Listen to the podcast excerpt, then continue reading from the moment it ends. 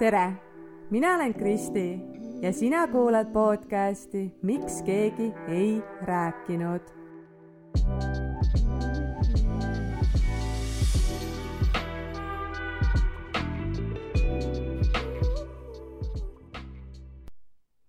tšauki! me tähistasime sel nädalavahetusel mu kõige pisema lapse teist sünnipäeva ja, ja ühtlasi ka seda, et mina olen juba kaks aastat olnud kolme lapse ema. kui lahe, et mul on oma suur pere ja, ja tegelikult kui järgi mõelda, siis seitse aastat tagasi ka kuskil novembris ma jäin esimest korda üldse lapseootele. et praegu on selline natukene märgiline periood siis, see novembrikuu selle aja sisse mahub lihtsalt sülemetes rõõmu ja toredaid hetki.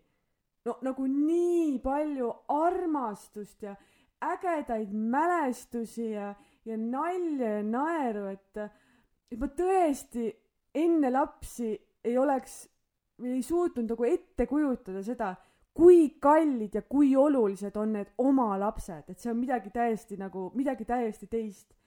ja ja mulle nii väga meeldib äh, ema olla, et äh, ma tõesti naudin seda rolli ja, ja, ja ükskõik kui klišee see ka ei ole, siis, siis ma ei vahetaks seda mitte kunagi mitte millegi muu vastu.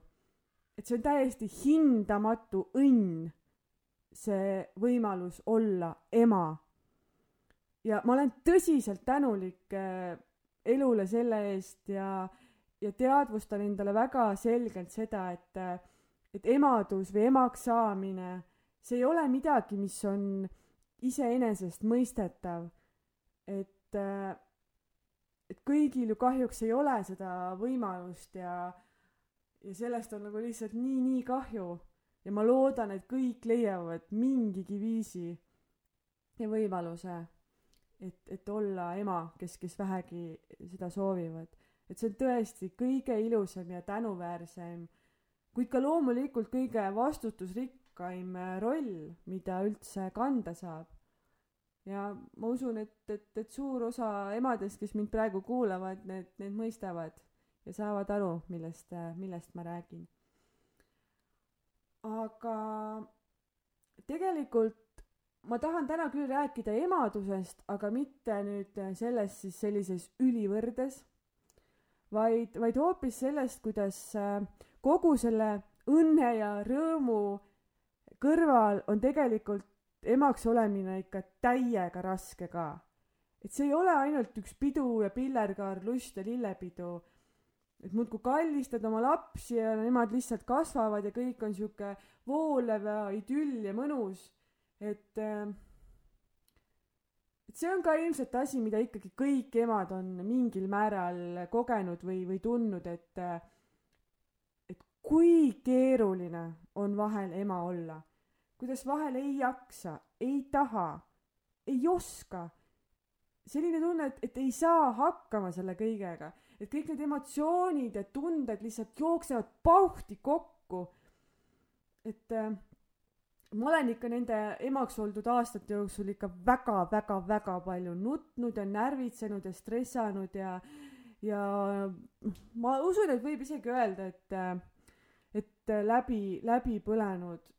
ma, ma olen läinud liiga palju endast välja, tõstnud laste peale häält, olnud nendega ülekohtune, võib-olla alati pole õigeid pooli valinud äh, kuidagi iseendaga olen olnud ülekohtune, mehega ülekohtune, mm, tundnud end mõnes hetkes päriselt nagu maailma kõige halvema emana, nagu tõsiselt kõige halvema emana ja mõelnudki, et eh, mul on lihtsalt enda lastest nii kahju, et nad on minusuguse ema endale saanud.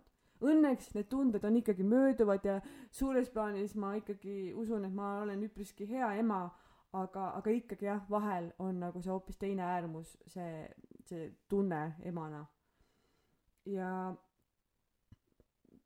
väga tihti ikkagi tunnen ka väsimust ja tülpimust, üksindust, seda, et mitte keegi ei mõista mind, kurbust, valu, siukest raskust, et et emadus võib olla vahel ikka no nii paganama mõru ka. ja, ja tegelikult hakkavad need äh, mõrud, katsumused põhimõtteliselt ju kohe pihta, kui, kui raske tööga on beebi lõpuks sealt kõhust välja tulnud. et jah, üheksa kuud on olnud aega selle mõttega justkui kohaneda ja valmistuda, et varsti liitub meiega üks uus inimene ja, ja kõik see vastutus ja armastus ja, ja uu, uus roll ja uued rutiinid ja kõik, kõik see, aga, aga no ei. tegelikult vaata, see on jälle asi, milleks ei saa nagu enne päriselt valmis, valmis olla, kuni see päris pisikene inimene sul käte vahel on ja, ja siis jõuab vaikselt see reaalsus kohale, et, et hopsti, et mul on see kolme-neljakilone päris inimene siin, täitsa minu oma ja täiesti minust sõltuv. ja siis see on tegelikult nagu päris hirmus. ma ei taha kedagi hirmutada siin, et ma jagan lihtsalt nagu enda kogemust ja enda mõtteid emana ja, ja, ja tahan nagu avada rohkem seda poolt, et, et kõik ei ole ainult nagu asjal on alati kaks poolt. et, et ikkagi on neid nagu kibedamaid hetki ka. ja, ja see teadmatus alguses ja sihuke ebakindlus ja oskamatus, automaatselt tekib selline tunne, et, et ma tahan talle anda lihtsalt kogu maailma armastuse, helluse, hoole, ma tahan anda kõik kõige parema, ise olla kõige parem ema, et ta väärib kõige paremat ja loomulikult vääribki aga see kohe nagu, mulle tuli kohe nagu selline noh, surusin kohe, et kõik peab olema maksimum, maksimum, maksimum. ma ei tahtnud osta isegi mitte, mitte ühtegi mingit, alguses mingit kasutatud asja või, või kuidagi sihuke, et kõik peab olema uus ja värske ja selline nagu, no sihuke tohutu tegelikult ülemõtlemine. et see armastus lapse vastu lihtsalt on nii suur, et, et valus hakkab ja eksimise hirm on samamoodi nii suur, et valus hakkab aga no kuulge, et nagu tegelikult on ju emad ka inimesed, eks, ja mitte mingid imeinimesed ja, ja samamoodi on normaalne, et, et emad ka eksivad. nii nagu, nagu kõik inimesed eksivad, et vahet ei ole, mis rollis sa oled, et igas rollis eksitakse, see on täiesti normaalne elu osa, aga sealt hakkab nagu emana minu meelest kuidagi eriti kergelt selline süütunne üles kerima. ja, ja näiteks kui joppa seal sünnitusmajas ämmaemandaga, mida on ka minul juhtunud, kuna need ämmaemandad vahetuvad päris kiiresti, sa pead mitu päeva seal olema, kohtud väga mitme erineva ämmakaga ja, ja, ja keegi tuleb ja annab sulle põhimõtteliselt vastu pead selle, last korralikult rinna otsa, siis äh, äh, okei. Okay,, me kohtusime selle beebiga mingi tund aega tagasi esimest korda elus, onju, ja, ja ma pean kedagi nagu teist inimest esimest korda elus oma kehaga toitma, et, et et jah, või, või ma olengi saamatu või ma ei tea nagu, et noh, ma ei oska kohe. ja siis tuleb see ämmakas seal robustselt, tõmbab seda rinda sinna beebile suhu, see on nagu niimoodi valusasti sikutades, et et nagu kas see ongi niimoodi või, või mis asja, mis toimub, et kõik peas hakkavad kohe igasugused mõtted, et mis mul viga on või, või miks ma kohe siis ei oska või ei saa või kas teised kõik oskavad ja saavad kohe sellega hakkama ja ja, ja siukene nagu noh, ma tajun, et, et, et seda nagu, et ise nagu ollakse enda suhtes kriitiline ja ründav ja, ja kui keegi kuskilt sellel nagu õrnal hetkel veel, veel sinna nagu õli tulle lisab, et see on äh, et need asjad hakkavad nagu koguma ennast siukseks suureks lumepalliks ja siis lõpuks, et äh, noh, tagantjärgi ma nüüd saan aru, et, et ma olin ka nagu esmasünnitanuna ikka nagu kahetsusväärselt range iseendaga et, et see rahulolematus pöördus tegelikult ikkagi vaikselt selliseks äh, stressiks ja ängiks, et ma olin võib-olla nagu tühiste asjade või nagu täiesti siukeste ebaloogiliste kohtade peal närviline. ja minu meelest beebid on selles osas nagu parimad peeglid, et kui emps on ikka närvis, siis beebi tajub seda imehästi.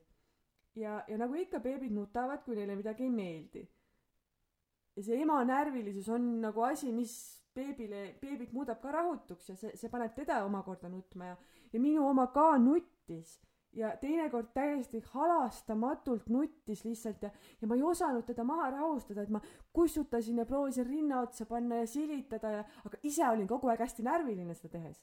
ja tema ju tajus seda ja ta ei rahunenud, sest et ta, ta, ta sai aru, et mina ei suuda ise jääda rahulikuks, ma olen endast väljas ja siis ka tema ei suutnud nii-öelda rahuneda. aga sealt tekkis mul jälle sihuke täielik ahastus alguses, et, et, et appi, et kuidas ma ei suuda nagu oma beebiga hakkama saada, teda maha rahustada, mis ema ma olen ja, ja sihuke täielik enesesüüdistuste jada hakkas pihta sealt. ja siis oligi nii, et, et nutsime seal tihti koos ja, ja vahel mul tekkis nagu kehas reaalselt selline füüsiline tunne, et ma tahaks raputada. et, et nagu, et lihtsalt palun jää tasa sest ma lihtsalt ise ei tulnud oma tunnetega ja emotsioonide ja selle kõige mölluga, nende hormoonide ja asjadega toime, et et praegu ma mõtlen, et tänu jumalale mul ei läinud see asi käest ära. ja, ja üsna kü-, kiirelt ikkagi pöördus see noh, olukord stabiilseks ja ma harjusin ja kohanesin ja, ja noh, mul läks nagu selles osas kõik hästi. aga reaalsus on see, et kõigil ei lähe. kõik ei tule sellest välja, paljudel naistel süveneb see ja tekibki selline sünnitusjärgne depressioon, mis on nagu väga-väga tõsine asi ja, ja ma tunnen, et nagu, et kogu see tähelepanu koondub äh, beebi sünnijärgselt just lapsele. et lapsel oleks kõik hästi, et lapse, laps areneks, kõik, et kõik, kõik on nagu laps, laps, laps, mis ongi täiesti normaalne ja väga oluline ja sellele absoluutselt peabki tähelepanu ka pöörama aga see ema seal kõrval vajab täpselt samamoodi seda hoolt ja, ja tähelepanu, et keegi nagu ikkagi natukene sügavamalt uuriks seda, et kuidas tal päriselt läheb ja kuidas ta kõigega toime tuleb ja, ja, ja oleks nagu toeks, aitaks selle uue rolliga kohaneda, et ei oleks nii kriitiline, vaid just toetav. et äh, et Eestis ei ole sihukest asja, et pärast sünnitust sul kaks nädalat käib äh, ämmaemand või, või noh, mingi selline töötaja kodus äh, ja abistab, mis on näiteks, ma ei tea, Hollandis või, või Sa-, Saksamaal minu meelest ka noh, midagigi on nagu, et käiakse kodus ja vaadatakse ja just, et nagu emale ka, ema, et emale ka tähelepanu pööratakse ja vaadatakse kõrvalt selle pilguga, et kuidas ta saab hakkama ja kas ta saab hakkama, just nagu vaimselt ja iseenda tunnete kõige sellega, mitte ainult sellega, kas ta saab beebiga hakkama, kas ta saab beebi vannitamisega hakkama, küünte lõikamisega hakkama, imetamisega hakkama, vaid see, et kas ema saab iseendaga ka hakkama. ja, ja mina võin küll öelda, et, et pärast esimest last mina tundsin ennast väga üksinda. et jah, loomulikult mul oli, mul oli mees või noh, mu mees on imeline isa, ta on alati täiega abiks olnud, ta esimesed kaks nädalat, kui ta oli kodus isapuhkusel, ta tegi nagu kõike. et pesi, vahetas mähkmeid, jalutas beebiga, et nagu noh, andis mulle natukene siukest hingamisruumi. selles osas ma ei ütle midagi, aga just nagu ma ise nagu, nagu siukest mõistmist nagu teise ema või naise poolt või just sellest nagu tundsin puudust, et, et ma olin enda sõbrannadest põhimõtteliselt äh, esimene, kes äh, lapse sai. Ja, ja mu tugi just nagu naisena, põhimõtteliselt ainuke tugi oli, oli mu ema, kellega ma olen hästi lähedane, aga tema kogemus beebiga oli ka kakskümmend viis aastat tagasi ja ilmselgelt ei ole enam asjad meeles ja, ja kuidagi need nagu noh, tänapäeva asjad on ikkagi nagu noh, pööratakse nagu teistele asjadele tähelepanu või see polnud nagu see.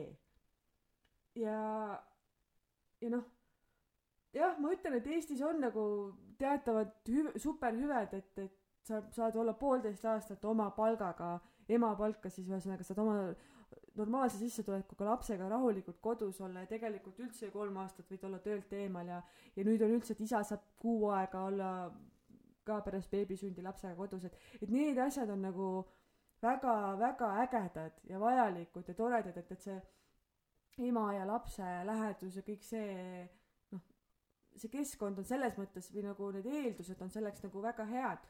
aga jah, just see ema ema vaimse tervise ja, ja taastumise selle koha pealt ma nagu tunnen, et, et seda, et sellele ema heaolule ja emotsioonidele ja emale iseendana inimesena tuleks ka natukene rohkem äh, tähelepanu hakata pöörama. noh, muidugi jah, jällegi noh, peale teist ja kolmandat sünnitust oli mul see vaimne koorem ikkagi nii-öelda kergem sellepärast et ma ei olnud esimest korda selles rollis. ma juba teadsin beebimajandusest ja sellest kõigest rohkem ja sellest, et mul võivad tulla igasugused erinevad äh, emotsioonid ja, ja ma olin nagu ise enesekindlam, et ma ei põdenud nii palju üle igasuguste asjade pärast ja usaldasin rohkem enda sisetunnet, et, et ei, ei tundnud, et pean nii hullult selle noh, by the book, et ma ei, ei pea nagu tegema mingite kindlate reeglite järgi, et ma, et ma ikkagi nagu kuulan ennast, kuulan oma sisetunnet, tajun oma last, tajun ennast, et selles sümbioosis toimetan. ja siis oli juba nagu tegelikult noh, selles mõttes oluliselt lihtsam, et, et siis jah, pärast teist last ma nagu ei mäleta, et ma oleks oluliselt äh, noh, nii, nii stressis olnud või siukest väga nüüd sellisel määral enam seda tuge vajanud ja noh, muidugi oli see ka, et, et sõbrannad hakkasid ka siis juba lapsi saama ja et ja tekkis sihuke ühine jälle selline ühine asi ja, ja sellest tänu sellele ikkagi siukene noh, uus tör-, turvavõrgustik. et me saime, saime ikkagi sõbrannadega asju jagada ja, ja kui teine on ka ikkagi sünnituse läbi teinud ja vastsündinguga seal kodus olnud ja et ta mõistab ikkagi noh, hoopis teistmoodi kui inimene, kellel ei ole lapsi, et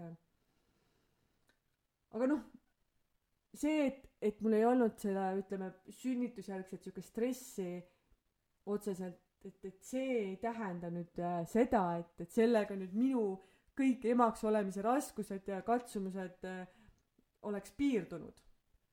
et reaalsus on ikkagi hoopis midagi muud. iga selline uus etapp, erinevad vanused äh,, see kõik toob äh, laste lisandumine, et see kõik toob endaga tegelikult ikkagi kaasa üha uusi probleeme ja katsumusi ja, ja ma arvan, et tegelikult nagu igas jumala päevas on midagi. et ma, ma päris ausalt ei tea, kas ma saaksin öelda, et, et mul on olnud üks selline päev, kus nagu tõesti oleks absoluutselt kõik voolanud, täielik idüll, et ma ei oleks üldse ärritunud või, või midagi siukest, et, et siukest päeva oleks mul emana olnud, et ma ei usu seda. ma olen ikka suht kindel, et mul on igas päevas ikkagi mingi grammikenegi olnud siukest eh, nii-öelda väljakutset siis. ja, ja kui ma niimoodi nagu mõtlen, et mis mul nagu siuksed äh, need raskused emana on, siis esimesena mul tuleb pähe selline süütunne. ja, ja see hoomab endas tegelikult nii paljusid asju või, või nii paljud asjad võivad seda äh, esile tuua. süütunne, et ma ei mängi oma lastega näiteks piisavalt palju. Või et ma ei võta siukest üks-ühele aega, süütunne, et eh, nad täna ei toitunud nii tervislikult, kui oleks võinud, süütunne, et ma tõstsin häält, süütunne, et ma ei tee nendega piisavalt igasuguseid arendavaid asju, ei õpeta, ma ei tea, et me ei käi igast erinevates kohtades ja looduses ja ma ei tea, muuseumites ja asjades, et et ma ei, et ma ei paku neile justkui sellist ideaalset lapsepõlve. süütunne võib tekkida ka sellepärast, et ma olen otsustanud, et oh, mul oleks vaja nagu päeva endale, et ma ei tea, oleks natuke vaja tuulutada ja käiks, ma shoppamas, jalutamas, juuksuris, mis iganes. ja siis ma tunnen ennast süüdi, et aa, et ma ei ole lastega kodus ja ma ei tea, ma ei korista ja ei tee, tee seal neid vajalikke asju ja et tõesti nagu, et see süütunne nagu tuleb igast uksest ja aknast sel suvel äh, ma käisin äh, sõbrannadega esimest korda pärast kolmanda lapse sündi ööseks kodust ära. Äh, me läksime nädalavahetuseks Pärnusse ja ühe öö olime ära, et me tegelikult tahtsime terve nädalavahetuse ära olla, aga, aga kuidagi asjad ei mänginud välja ja läksime üheks ööks ära. ja nagu meil oli mega tore ja lõbus õhtu ja ja me saime nii palju rääkida ja südant puistada ja tantsida ja no tõesti nagu ülivajalik ja, ja nagu täiesti noh, täiesti iseenda rollis, et nautisin nagu iseennast ja oma sõbrannasid ja väga-väga kihvt. aga järgmisel hommikul või tegelikult ei olnud isegi hommikul, see oli juba öösel, kui me peolt koju jõudsime, hakkas vaikselt juba siukene kodu ja laste igatsus tekkima, siuke kahetsustunne ja, ja süütunne et ma ei olegi nüüd kodus, kui nad hommikust söövad, et nad ärkavad ja mind ei olegi. et see lihtsalt on üks hommikpäev nagu meie elust ja mind ei ole seal ja ma tunnen selle pärast süüd ennast. ja nad olid oma isaga, kellega neil on jumala hea ja turvaline, kes saab absoluutselt kõigega hakkama, et ta täiesti võrdne lapsevanem nagu minagi, et selles mõttes ei olnud nagu noh, mingit põhjust muretseda või midagi siukest ja, ja ma käisin ju tegelikult üle väga pika aja ära kodust et mul ei olnud absoluutselt mitte mingit alust ennast pahasti tunda. aga mida mina siis tegin? ainult tampisin sisimas ennast maha. et äh, see tegelikult umbes niimoodi, et kui, kui emane omale aega ei võta, äh, sõbrannadega, ma ei tea, kokku ei saa ja, ja ei tule üldse sellest ema rollist äh, välja, siis on süümekad, et miks ma ei ela nagu muud elu ja ma jään nagu kõigest ilma ja kuidagi maha ja aga siis, kui ma lähen välja, siis tunnen jälle süüd või ikka süüd. et ma astun nii-öelda sellest ema rollist korra kõrvale ja ja selles mängus justkui nagu ei olegi võimalik võita. et ühtepidi on süütunne ja teistpidi on süütunne, et mis siis nagu, mis siis nagu tegema peab. et äh, jah, see süütunne on kindlasti sihuke, ütleme nagu kõige tihedam või selline igapäevasem nähtus siis minu elus ja raskustes. aga ega see ei ole jah, nagu paraku või kahjuks ainus asi, et, et tegelikult on neid asju ju veel ja veel. igasugused sellised äh, ootused mingitele olukordadele ja ettevõtmistele ja iseendale ja ka lastele, et ma, ma panen nagu hästi palju ootuseid. aga lapsed ei ole mina, nad ei mõtle nagu mina ja ja nemad on vastupidi igasuguseid ootamatuseid täis. ja siis, kui minu need äh, ootused ei lähe vastavalt, siis ma olen hästi pettunud ja lähen ikkagi nagu suhteliselt endast välja, ma olen kurb, vihane, trotsi täis. et äh, see, seda, seda kõike on nagu nii palju ja ma nagu jälle ei oska nagu kuidagi ise sellest äh, nagu välja tulla või, või jah, nagu kuidagi rahu teha sellega, kui see situatsioon on juba käes. et nüüd ma olen ikkagi nagu vaikselt õppinud äh, aru saama sellest, et äh,, et parem hoian enda ootused hästi madalal. ja, ja siis ma ei saa ka nii palju pettuda nii-öelda, eks ole. et, äh, et vahel on näiteks kasvõi lihtsalt selline lootus-ootus, et äh, oh, et äkki mul Tilda läheb lõunal. Magama, magab tund aega sügavalt ja ma saaks korra lihtsalt Netflixist mingit sarja vaadata. et hetkeks lihtsalt olla, mitte midagi teha või, või ma ei tea, mööda äh, e-poode kammida ja silmadega shopata, et äh, jah, niimoodi sihukeste mõttetustega ma vahel oma aega surnuks lööngi, et mitte, mitte, mitte ma ei õpi, ma ei tea, investeerima või mingit uut võõrkeelt, et kuigi võiks, eks onju, aga ei, et ma lihtsalt nii-öelda passin tühja, aga vahel on vaja seda ja ja siis ma nagu hommikust peale juba seadistan end nii, et kogu aeg mõtlen sellele, et, et umbes ma ei tea, ma panen ta kell kaksteist magama, panen kell kaksteist magama, panen kell kaksteist magama, ta magab, ma saan vaadata, ma jõuan selle ära vaadata, ma saan seda teha, et nagu hästi hullult nagu seadistan end sellele lainele. aga siis laps ei jäägi magama või, või ta, või ta ärkab poole tunni pärast või mul läheb, ma ei tea, kolm tundi selleks äh, magama panekuks ja ma olen juba sellest ennast nagu nii üles kütnud või, või äh, nagu stre-, lähen stressi, ma jälle ei saa, ma ei saa seda oma aega, mida ma nagu plaanisin. ja, ja siis ma tunnen, kuidas ma tegelikult sisimas nagu muutun lapse peale pahaseks justkui nagu tema oleks mõelnud, et ahaa, emme, sa tahad oma aega saada, no päris, ma lasengi sul midagi teha. vot ma ei kavatsegi täna magada, ma ei maga, ma ei maga, ma ei maga. aga see ei ole ju nii. et noh, temal on mingid omad põhjused hoopis, miks ta ei jää magama või ei olegi see õige hetk ja, ja siis ongi, et mina muutun seal kõrval jälle närviliseks ja laps tajub seda ja, ja ka sellest võib-olla muutub närvilisemaks ja ei saagi nagu magama jääda, et, et see on jälle see, et, et sellest ootusest kui sellisest tuleb nagu lahti lasta ja mõelda, et, et oh, et kui nagu peaks joppama ja Matilda täna päeval magab äh, hästi, et siis ma võtan omale selle aja mitte midagi tegemiseks ja, ja ei hakka seal, ma ei tea, vetsupotti küürima, vaid lihtsalt passin telekat. et kui ta peaks magama, et siis ma söön rahus kommi ja, ja tšillin onju, aga kui ta ei maga, okei okay,, davai, joonistame siis veel neid kassipilte ja ja, ja teen nagu juba eos sellega rahu, et nagu mõlemad variandid on nagu arvestatavad, et tõenäosus on mõlemale võrdne põhimõtteliselt. ja siis ei ole ka nagu see pettumus nõnda suur. et ühesõnaga, mis ma öelda tahan, et lastega nagu see ootuste seadmine on tegelikult sihuke hästi suur karuteene iseendale.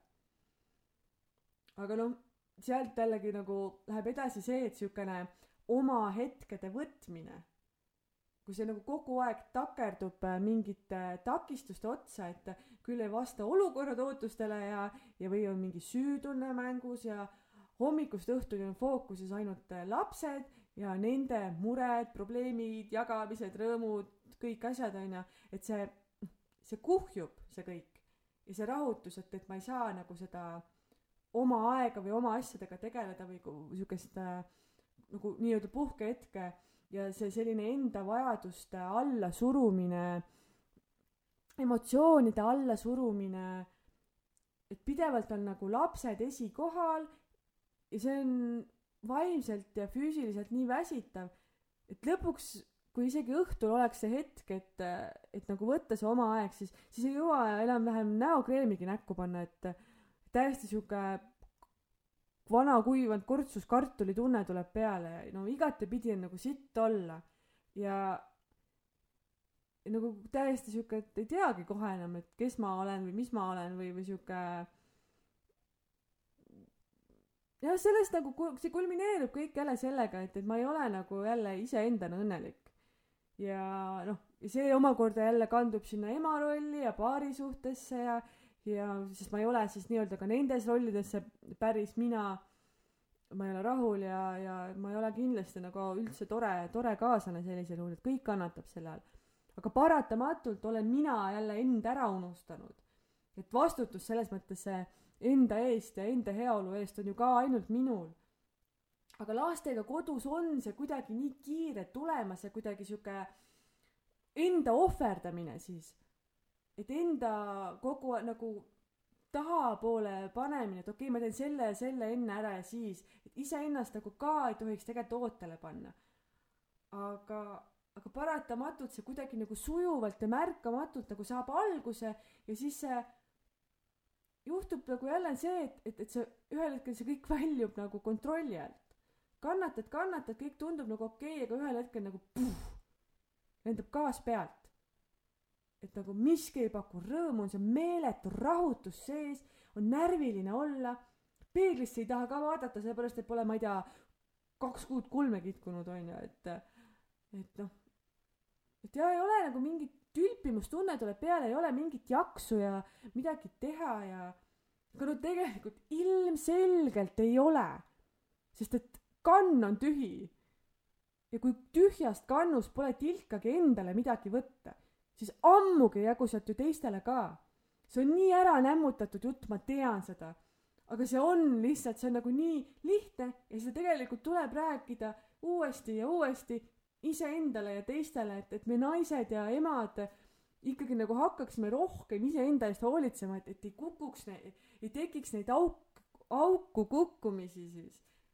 et nagu rohkem siukest äh, stabiilsust hoida, balanssi hoida, kuidagi õppida nagu seda kõike tegema, et, et, et seega jah, seda oma tassi tuleb täita. no mul käib see kõik ikkagi siukeste hästi siukeste hüppeliste perioodidega, et et mingid hetked nagu kõik sujub nagu, nagu valatult, onju, et ma suudan kõike hoida nagu selles mõnusas tasakaalus, et ma tunnen ennast hästi, saan enda asjadega tegeleda, ma olen emana nagu super, ma teen äh, mega maitsvat ja tervislikku toitu, mul on kodu korras, et kõik on nagu, nagu kontrolli all, et ma, et ma tunnen, et ma olen nagu piisavalt kodus ja piisavalt eemal. Aga siis mingi noh, see, see on alati siukene tegelikult siukene minu arust hästi üürikene hetk, et ma ei oska nagu seda hoida. Või noh, siis on ikkagi nagu mingil hetkel tunnen ikka, et kurat, pekkis on jälle nagu, jälle läheb käest ära, et et ma olen ainult nende kolme lapsega siin koduseinte vahel hommikust õhtuni.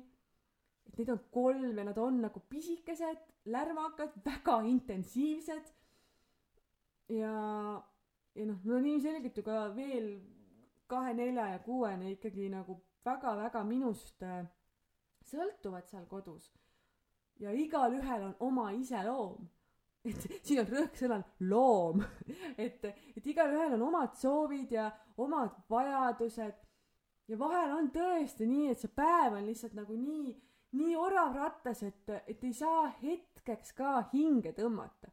keegi kakleb, siis keegi kukub, saab haiget, nutab, siis on kellelgi süüa vaja, siis tahab teine süüa, siis tahab keegi pissile, kakale, mähkust, mähkut vahetada keegi tahab äh, pliiatsit, teine tahab hoopis vesivärve, aga kõik tahavad kokkuvõttes seda ühte sama punast pintslit, siis on täiesti sihuke totaalne kaos. ja, ja siis ma tunnen, et mul on toss nii väljas, et ma lihtsalt õhtul nagu ei suuda isegi jalutama minna, et, et nagu võtta see hetk endale, et ma tahaks lihtsalt äh,, lihtsalt äh, magama minna. tegelikult see jalutuskäik oleks nagu nii vajalik aga ma lihtsalt nagu ei suuda ennast kokku võtta, sest ma olen nii läbi omadega. ja lähen magama lootuses, et, et homme on äkki parem päev ja noh, loomulikult vahel ongi, vahel ärkad hommikul üles ja kõik on nagu üli chill ja, ja kuidagi sujub ja mõnna, aga samas tihti ei ole ka. tihti ongi niimoodi, et see väsimus ja see kõik nagu see rahutus nagu nii, nii ko-, koguneb mu sisse ja ka laste sisse ja ja siis on jälle see, et ma ühel hetkel saan aru, et okei okay,, hei, hei, nagu mina olen ka oluline, tuleb kokku võtta ennast, nagu midagi peab muutma. ja siis tulevad mul jälle need eh, hullud trennis käimised, shoppamised, näomaskid, kõik jutud. tekib jälle siukene rutiin, kuniks jälle põmm, mingi ootamatus onju. plaanitud lasteaiapäevast saab hoopis kaks-kolm nädalat kestev tatitõbi ja, ja siis jälle see enda tassi täitmine jääb unarusse. et sihuke tõusude mõõnadega kogu aeg see värk käib. ja noh, ma saan sellest nagu aru kogu, nagu ko, igapäevaselt, et, et on väga oluline iseennast äh, hoida. aga ma päriselt ei tea, kas nagu, kas tõesti üks väikeste laste ema saab sada protsenti nagu kogu aeg iseennast esikohale seada, kas see on nagu võimalik, et, et just seda, neid ootamatuseid ja siukseid nagu, seda ebastabiilsust on minu meelest nii palju nagu mujalt tulemas, et ma, ma ei kujuta ette, kuidas oleks võimalik nagu täiesti kogu aeg nagu enda tassi täis hoida, et noh, mina seda igatahes ei oska. et mul läheb see asi ikkagi nagu kogu aeg käest ära ja siis on jälle hea aeg ja siis on jälle paha aeg ja ja minul jah, igatahes on, on see asi sihuke ütleme, et ma võtan seda ikkagi nagu teatavat raskust, et enda äraunustamine ja see kõik. ja, ja ma olen ju tegelikult juba vana inimene ka, et kohe saan kolmekümne kahe aastaseks ja vanad inimesed tahavad ikka rahu ja vaikust, eks. aga see pidev möll ja trall, need laste tantrumid, võitlused, see kõik, need kõik, meie kõigi need jonnihood et need ilmuvad ju alati ala ei kusagilt välja ja õhk on hetkega lihtsalt nii paks, et hingata ei saa, see on nii lämmatav, nii intensiivne, vaimselt nii kurnav. Ja vahel mul on lihtsalt nagu suvalisel hetkel keset päeva siuke tunne, et palun ärge korraks mitte keegi rääkige minuga ärge küsige minult mitte midagi, ärge paluge minult mitte midagi, ärge reaalselt, ärge vaadake ka minu poole, et ma tahaks lihtsalt selle ühe hetkel olla, lihtsalt hingata ja olla selles vaikuses. aga ei, no siis on ikka keegi tahab sülle ja kaela ja kolmas ripub üldse jala otsas ja on neid kallistusi ja musisid ja lähedust vaja ja ja ma olen nagu täiega seda meelt ja mulle endale meeldib ka neid, neid nagu hullult kallistada ja, ja ma noh last ei saa selle lähedusega ära hellitada ja seda tulebki nagu palju teha ja ja me tõesti kallistame ja kaisutame ka väga-väga palju, et ma olen ise ka nagu loomuselt selline, et mulle meeldib seda palju teha. aga, aga paraku ma nagu igal hetkel alati ei soovi seda füüsilist lähedust, seda, et keegi puudutab mu keha või, või on mu vastas, et kust see piir nagu läheb. et kas mina pean nagu emana nii-öelda kõik ära kannatama, et laps ennast kuidagi tõrjutult ei tunneks ja saaks alati seda hellust ja hoolt või, või on okei okay ka see, et, et minu tunded selles füüsilises läheduses ka loevad midagi ja, ja see on okei okay,, et ma nagu alati ei soovi seda. et kuidas selles olukorras nagu käituda. et ma lähen vahel nagu reaalselt äh, lähen üksinda vannituppa ma ei tea pesuresti alla põrandale sooja põranda peale pikali et et lihtsalt korra ma ei tea kolm sekundit lihtsalt olla. Et keegi ei näeks kus ma olen et ma saaks lihtsalt üksi olla. Keegi ei oleks nagu nagu nii intensiivselt minu minu vastas. Et emadus on nagu selles mõttes kindlasti mind äh, pannud seda üksi üksi olemist hoopis äh, sedasi kõrgemalt hindama. Et äh, päevast päeva jah sellises möllus elada et et see on nagu see on tegelikult minu meelest ikka nagu väga raske. Et ma ma ei tahaks loomulikult tähendab ma ei taha mingit teist elu endale et see ei ole point. Aga aga see ei tähenda see et et see praegune elu ei oleks nagu vahepeal raske. Et see on ja see see on väga raske ema olla väikseid lapsi kasvatada see on väga raske. Ja noh kindlasti nagu seda raskust nii-öelda lisab äh, sellele ka selline jälle see teistega võrdlemine. Ja ja sotsiaalmeedia on ju selle meile täiesti nagu igasse hetke koju kätte toonud selle võimaluse ennast võrrelda et et kui mina olin pisike beebi siis minu ema ei saanud läbi telefoniekraani ennast äh, ennast ega mind mingisuguse ma ei tea Võrus elava Tiina ja tema beebiga võrrelda aga praegu me saame nagu kogu aeg seda teha. et, et kuidas laps areneb, kui korras on kodu, mis äh, meelelahutuskava ema lapsele seal päevast päeva pakub ja millised on kõik rutiinid ja ja kas laps ikka sööb päevas seitse erinevat värvilist köögivilja. ma ei tea, kas ema on ikka igapäevaselt kodus ka ilusti meigiga ja sätitud ja soengud tehtud ja värgid ja sile ja sale mees rahuldatud ja, ja no tore, kui ema ikkagi tegelikult selle lapsega on kodune, aga, aga samas ikkagi nagu võiks raha ka teenida, onju. et, et ühesõnaga see pidev võrdlemine ja tunnetamine, et teistel on kõik, kõik nii ilus ja korras ja, ja kergelt, kergelt tuleb sihuke idülliline elu et, et see tekitab nagu veitsa siukest alaväärsustunnet, et okei okay,, et mina ei ole vist emana piisav, et ma ei tea, ma ei oska meisterdada selliseid asju ja me ei käi siukestes kohtades ja me ei söö sellist toitu ja ma ei tea, mu lapsel ei ole selliseid riideid ja no mis iganes, onju. et kuidagi see, et, et kuidas teised kõik jõuavad seda kõike, kuidas nad saavad seda kõike võimaldada ja ma ei tea, ema kodus töötada ja samas la- lastega nagu hullult möllata, kuidas ta jaksab kõike seda ja kuidas siis mina nagu justkui mitte midagi ei jõua ega jaksa onju. Ja mind pani nagu hästi noh hästi palju mõtlema. Ma kuulasin kui Liisu Miller käis äh, re- nüüd sellel laupäeval äh, Raadio kahe saates Teller. Ja siis nad äh, Katriga vestlesid seal igasugustel põnevatel teemadel ja ja ma tunnen et Liisu on nagu hästi minu inimene või ma hästi paljudes asjades samastun temaga. Igatahes ma ühesõnaga ma soovitan seda saadet ka kuulata see oli väga väga hea ja üks mõte, mis ma tema öeldust kaasa võtsin, on see, et, et ühiskond justkui ootab naiselt seda, et, et naine peab nagu kõigega hakkama saama. et ise tegema kõike ja kõiges ka hea olema. et, et ongi, see, et lapsed, töö, kodu, eneseareng, paarisuhe, et kõik peab olema nagu maksimumi peal aga, aga tegelikult ei pea nagu ema ei pea, emana ei pea nagu seda kõike ise haldama, ise tegema, et see kõik on nagu ikkagi tiimitöö. ja nagu Liisu ka ütles ja, ja tegelikult on nii ka, et, et alati tuleb ju miski millegi muu arvelt. emad, kes teevad laste kõrvalt suurt karjääri, siis neil ilmselgelt on ju selle, selle võrra vähem aega oma lastega olla see aeg, mis kulub kõik sellele töö, tööle. ja kui mina kadestan seda, et oh, kui äge töö sellel naisel on ja kui ägedaid asju ta teeb ja, ja umbes tahaks ka ja sihuke eneseteostus ja vägev värk, onju. aga siis samas nemad võib-olla scroll ivad Instagrami vaatavad minu story sid, et aa, kui mõnna, ta saab päeval lapsega metsas jalutada.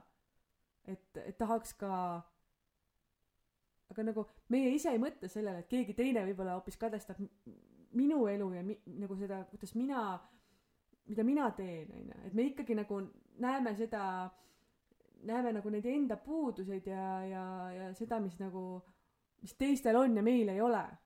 aga samas, kas need on nagu puudused, onju?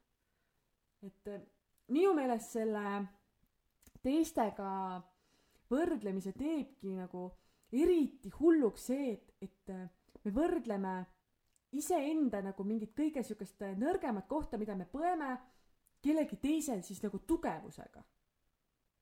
mitte nagu enda nii-öelda tugevust teise inimese tugevusega. et need võrreldavad asjad ei ole nagu eos juba nagu võrdsed. noh, mitte et üldse peaks võrdlema, onju, et igalühel on oma elu ja meie kõigi elud on täiesti erinevad, sest me oleme erinevad inimesed, onju.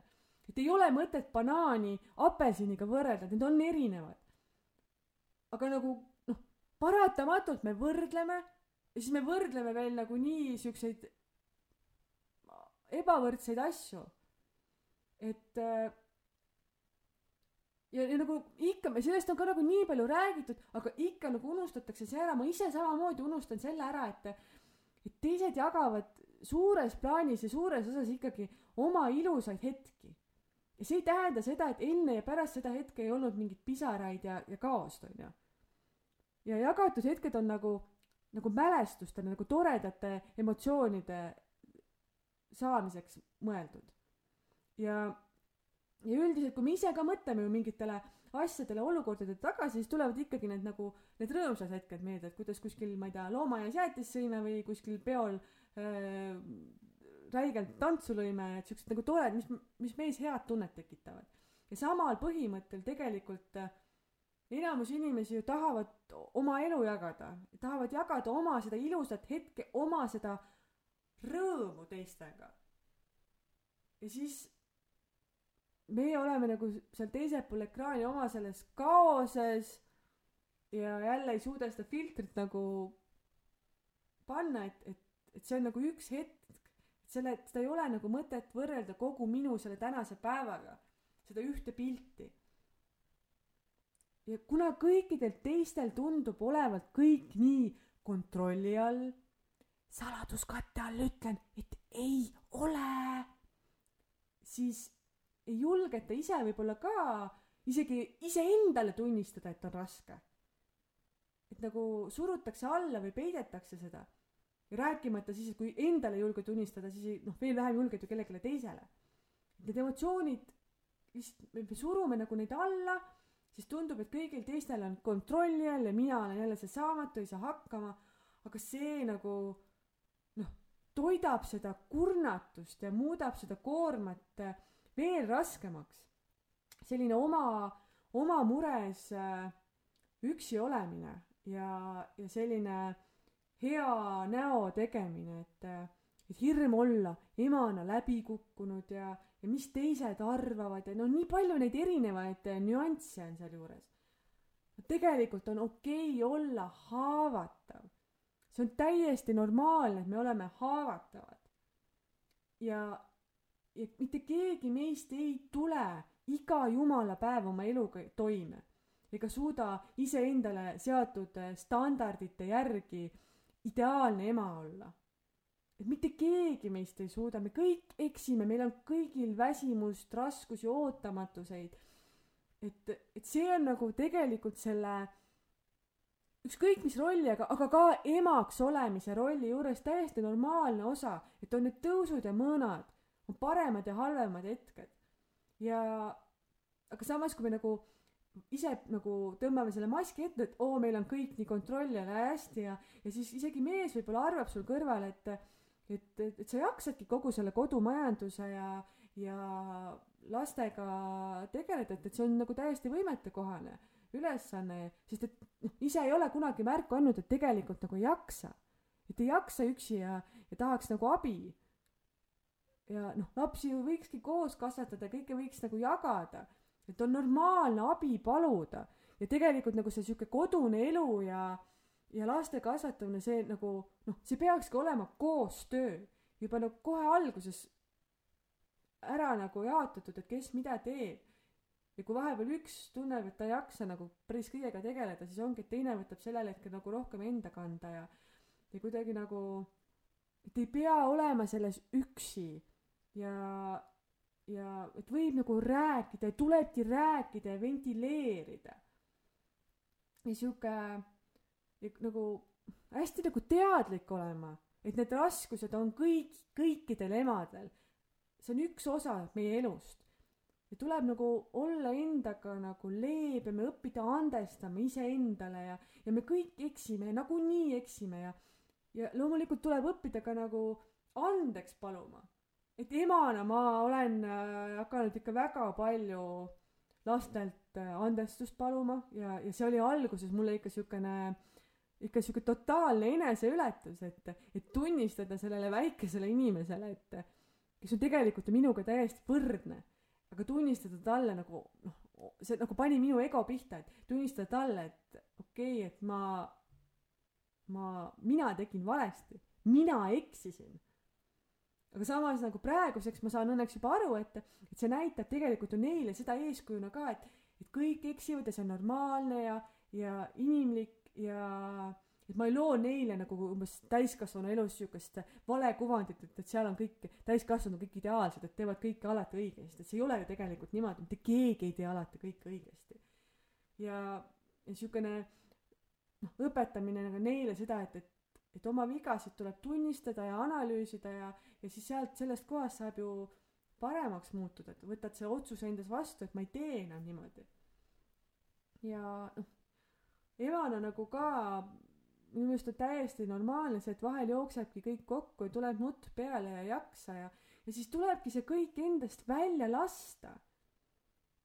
ja hiljem siis analüüsida ennast, et miks see kõik nagu see olukord tekkis ja mida saaks paremini teha ja ja kust abi paluda ja kellega rääkida ja mida muuta ja nagu kõik see, et nagu iseendaga hästi avatud ja aus olla ja mitte nagu kuidagi arvata, et, et, et, et, et, et sa oled ainukene nagu või et ma olen ainukene, kelle, kes ei tule toime ja kuidagi pahasti ennast selle pärast tunda, siis sellepärast nagu varjata seda kõike.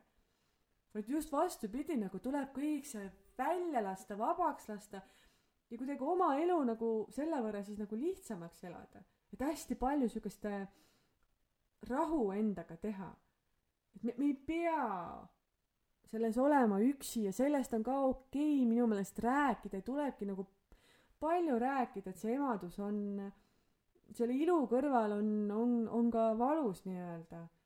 ja isegi ükskõik, kui, kui kehvasti me tegelikult äh, emana ennast vahel ei tunne, siis äh, seda me peaksime ka nagu alati meeles pidama, et, et päeva lõpuks me oleme ikkagi oma lastele maailma kõige paremad ja kõige ilusamad emad. Ja, ja nad väärivad seda head, head ema, kes on iseendaga ka hell ja hea, õrn, hoolib iseendast ja seeläbi nagu suudab hoolida ka teistest rohkem ja, ja kuidagi on selline noh, toetavam ja mõistvam ja, ja ja mitte nii kriitiline ja sihuke jah, ma ei teagi, ühesõnaga minu kogu see jutu, tänase jutu point on see, et, et emadus ei ole ainult rõõm ja, ja, ja tore ja idüll, et ema, emaks olemise juures on ikka väga-väga palju igasuguseid raskuseid ja, ja see on ka okei. Okay.. emana on okei okay ennast tunda väsinuna, nutta, ma ei tea, mis iganes, on okei okay võtta endale oma aega. Ja tuleb uus päev ja tuleb parem päev ja ja tegelikult me oleme super tublid, me saame kõigega hakkama, kõik on mööduv ja, ja lihtsalt äh, hoiame ennast nagu igas rollis ja tunnustame ennast igas rollis. nii, tänaseks ma siis tõmban otsad kokku jälle. mis ma veel tahtsin öelda, et äh, siia lõppu. et äh, kui minu need äh, monoloogid sind kõnetavad ja sa tunned, et sul oleks võib-olla mõni sõbranna või tuttav või keegi, kes äh, kellel oleks vaja ka seda kuulda, siis, siis ma oleks hästi rõõmus, kui sa minu podcast'i ka temaga jagaksid. ja kui sa jagad mind ja minu podcast'i oma sotsiaalmeedias, siis ma väga palun, et sa märgiksid ka mind ära, et ma näeksin seda, sest et äh, selline toetuse jagamine ja tagasiside, see kõik, et see on nagu hästi-hästi innustav ja, ja ma oleks lihtsalt selle eest ääretult, ääretult tänulik. igatahes ma soovin sulle nüüd äh, mõnusat äh, nädala teist poolt, selgroog on murtud ja, ja kohtume siis juba uuel nädalal ja vaatame, mis need, mis need uued teemad siis endaga kaasa toovad. olgu, tšau.